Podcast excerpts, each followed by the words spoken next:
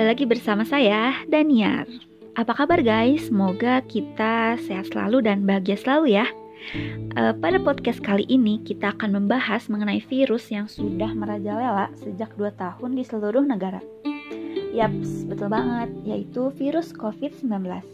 Oke, meski sudah lebih dari 2 tahun, pandemi COVID-19 masih terus menyerang penduduk dunia khususnya di negara Indonesia ya, yang saat ini sedang mengalami penyebaran kasus COVID-19 yang alhamdulillah sedang turun secara pesat di akhir-akhir ini, yang akhirnya membuat seluruh masyarakat merasa tenang.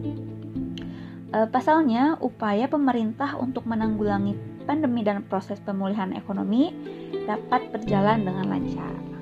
Upaya untuk mengalahkan penyebaran dan penularan COVID-19 di dunia ini ternyata tidak mudah loh. Namun, beragam upaya terus dilakukan para ahli dan penduduk global demi mengakhiri ancaman virus corona yang terus menyerang bertubi-tubi. Di beberapa negara, termasuk Indonesia, pemerintah membuat pedoman dan protokol kesehatan untuk menghadapi COVID-19 dan konsisten menjaga kesehatan imun dan iman. Di negara kita, Indonesia tercinta, protokol kesehatan ini dikenal dengan sebutan 5M. Sudah tahu apa saja protokol kesehatan 5M untuk membantu pencegahan penularan virus COVID-19? Yuk, mari kita bahas bersama. Oke, 5M yang pertama yaitu mencuci tangan.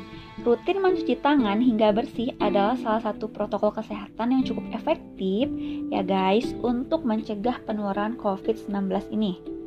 Untuk hasilnya maksimal, cucilah tangan setidaknya selama 20 detik beberapa kali sehari, terutama saat sebelum kita akan memasak atau makan, setelah kita menggunakan mas e, kamar mandi, dan setelah menutup hidung saat batuk atau bersin. Nah, untuk membunuh virus dan kuman-kuman lainnya, gunakan sabun atau air atau pembersih tangan dengan alkohol setidaknya kadar 60%. Oke lanjut, untuk 5M yang kedua yaitu memakai masker.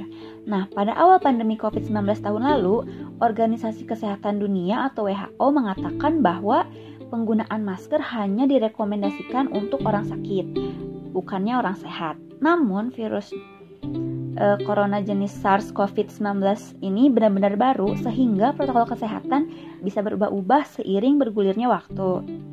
Nah, beberapa waktu selang kebijakan WHO di atas, WHO akhirnya mengeluarkan imbauan agar semua orang, baik yang sehat atau sakit, agar selalu menggunakan masker saat beraktivitas di luar rumah. Protokol kesehatan virus corona terkait masker pun semakin digalakkan di beberapa negara. Di Amerika Serikat, CDC memperbaharui pedoman terkait penggunaan masker. Di sana menghimbau masyarakat agar harus tetap memakai masker meski berada dalam rumah pada kondisi tertentu. Menurut negara Amerika, penggunaan masker dalam rumah perlu dilakukan ketika misalnya terdapat anggota keluarga di rumah kita yang terinfeksi COVID-19 atau terdapat anggota keluarga yang berpotensi kena COVID-19 karena aktivitas di luar rumah, merasa terjangkit atau mengalami gejala COVID-19, ruangan sempit dan tidak bisa menjaga uh, jarak minimal 2 meter. Nah, untuk 3M yang ketiga yaitu menjaga jarak. Protokol kesehatan lainnya yang perlu dipatuhi adalah menjaga jarak. Protokol kesehatan ini dimuat dalam keputusan Menteri Kesehatan Republik Indonesia dalam Protokol kesehatan bagi masyarakat di tempat dan fasilitas umum dalam rangka pencegahan dan pengendalian COVID-19. Nah, di sana tuh disebutkan e, bagaimana e, menjaga jarak minimal 1 meter dengan orang lain untuk menghindari terkena droplets dari orang yang berbicara, orang yang batuk, atau orang yang bersin, serta menghindari kerumunan, keramaian, dan berdesakan. Bila tidak memungkinkan melakukan jaga jarak, maka dapat dilakukan berbagai rekayasa administrasi dan teknik lainnya. Rekayasa administrasi dapat berupa pembatasan jumlah orang, pengaturan jadwal, dan sebagainya. Sedangkan rekayasa teknis antara lain dapat berupa pembuatan partisi, pengaturan jalur masuk dan keluar, dan sebagainya. Oke, lanjut untuk 5M selanjutnya atau 5M yang keempat yaitu menjauhi kerumunan. Selain tiga hal di atas tadi, menjauhi kerumunan merupakan protokol kesehatan yang juga harus dilakukan.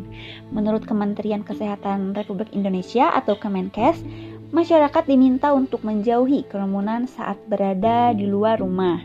Ingat, semakin banyak dan sering kamu bertemu orang, maka kemungkinan terinfeksi virus corona pun semakin tinggi. Nah, oleh sebab itu, Hindari tempat keramaian terutama bila sedang sakit atau berusia di atas 60 tahun atau lansia. Menurut riset, lansia dan pengidap penyakit kronis memiliki risiko yang lebih tinggi terserang virus corona. Oke, untuk 5M yang terakhir yaitu mengurangi mobilitas. Virus corona penyebab COVID-19 bisa berada di mana saja. Jadi, semakin banyak kamu menghabiskan waktu di luar rumah, maka semakin tinggi pula terpapar virus jahat yang ini. Oleh sebab itu, bila tidak ada keperluan yang mendesak, tetaplah berada di rumah. Meskipun Kemenkes uh, meski sehat dan tidak ada gejala penyakit, belum tentu kamu bisa pulang ke rumah dengan keadaan yang masih sama. Pasalnya, virus COVID-19 ini dapat menyebar dan menginfeksi seseorang dengan cepat. Selain itu, diharapkan seluruh masyarakat ikut mendukung program vaksinasi dengan mengikuti vaksinasi yang ada. Vaksinasi berfungsi menciptakan imunitas tubuh sehingga mampu melawan infeksi virus penyebab COVID-19. Dengan imunitas yang terbentuk, maka seseorang tidak akan jatuh pada kesakitan yang parah dan pada gilirannya menurunkan angka kematian. Nah, itu dia guys. Jadi untuk melawan virus COVID-19 yang merajalela ini, alangkah lebih baiknya kita harus selalu mematuhi protokol kesehatan sebaik mungkin karena ternyata dampaknya sangat berpengaruh ya untuk kehidupan kita Nah, dengan mematuhi protokol kesehatan di masa pandemi ini, mudah-mudahan virus corona ini cepat menghilang dari muka bumi ini. Oke guys, mungkin informasi tentang gunanya mematuhi protokol kesehatan cukup sampai di sini. Semoga kita semua diberikan kesehatan selalu dan semoga bahagia selalu.